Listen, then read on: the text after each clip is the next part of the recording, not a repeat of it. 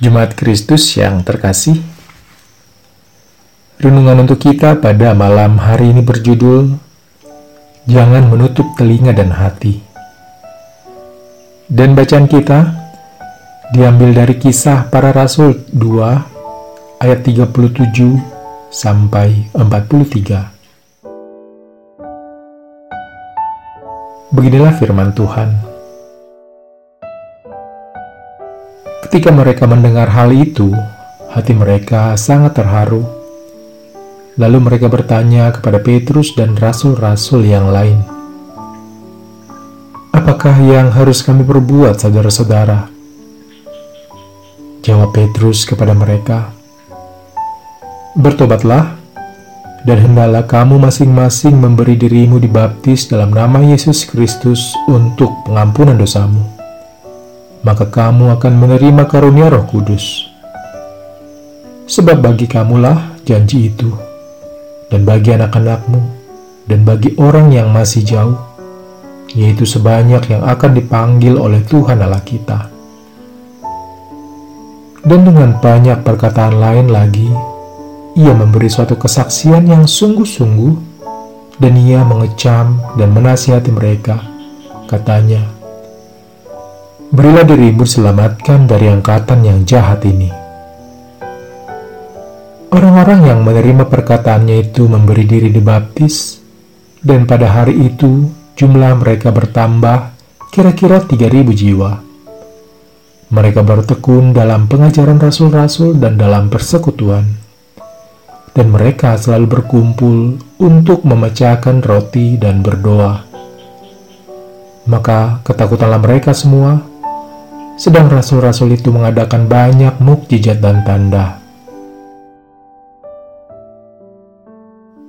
Respons yang diberikan oleh banyak orang ketika mendengarkan khotbah Petrus sebenarnya adalah sesuatu yang mengharukan dan luar biasa.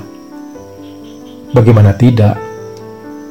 Ketika ada banyak orang berkumpul dan baru satu kali itu mereka diperdengarkan tentang keselamatan dan jalan pertobatan yang sesungguhnya, mereka langsung memberi diri bertobat dan dibaptis. Mari bandingkan dengan kita saat ini. Sebagian besar dari kita, bukankah menerima keselamatan itu dari warisan orang tua? Ketika orang tua kita mengenalkan iman Kristen dan pengajaran yang diberikan Yesus, serta tentang anugerah keselamatan, lalu kita memutuskan untuk ikut saja tanpa menggumulkannya lebih dalam lagi. Mari kita lihat respons terhadap firman yang diberitakan. Kita yang sudah mendengar firman beratus kali, bahkan ribuan kali, seakan-akan tidak tersentuh apa pun dan tidak merasakan apa pun. Datang dan pulang dari gereja begitu saja. Sedangkan orang-orang yang mendengarkan Petrus hanya satu kali saja. Mereka langsung bertobat. Bukankah ini hal yang ironis? Pasti banyak dalih yang bisa kita gunakan.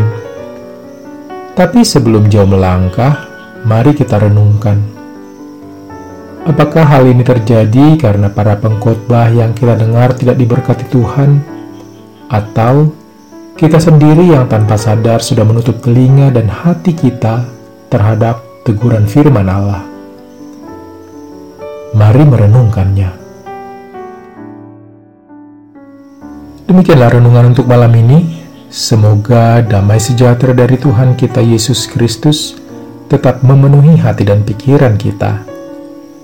Amin. Dan sekarang, marilah kita melipat tangan dan bersatu hati untuk menaikkan pokok-pokok doa yang ada dalam gerakan 221 GKI Sarwa Indah. Mari berdoa.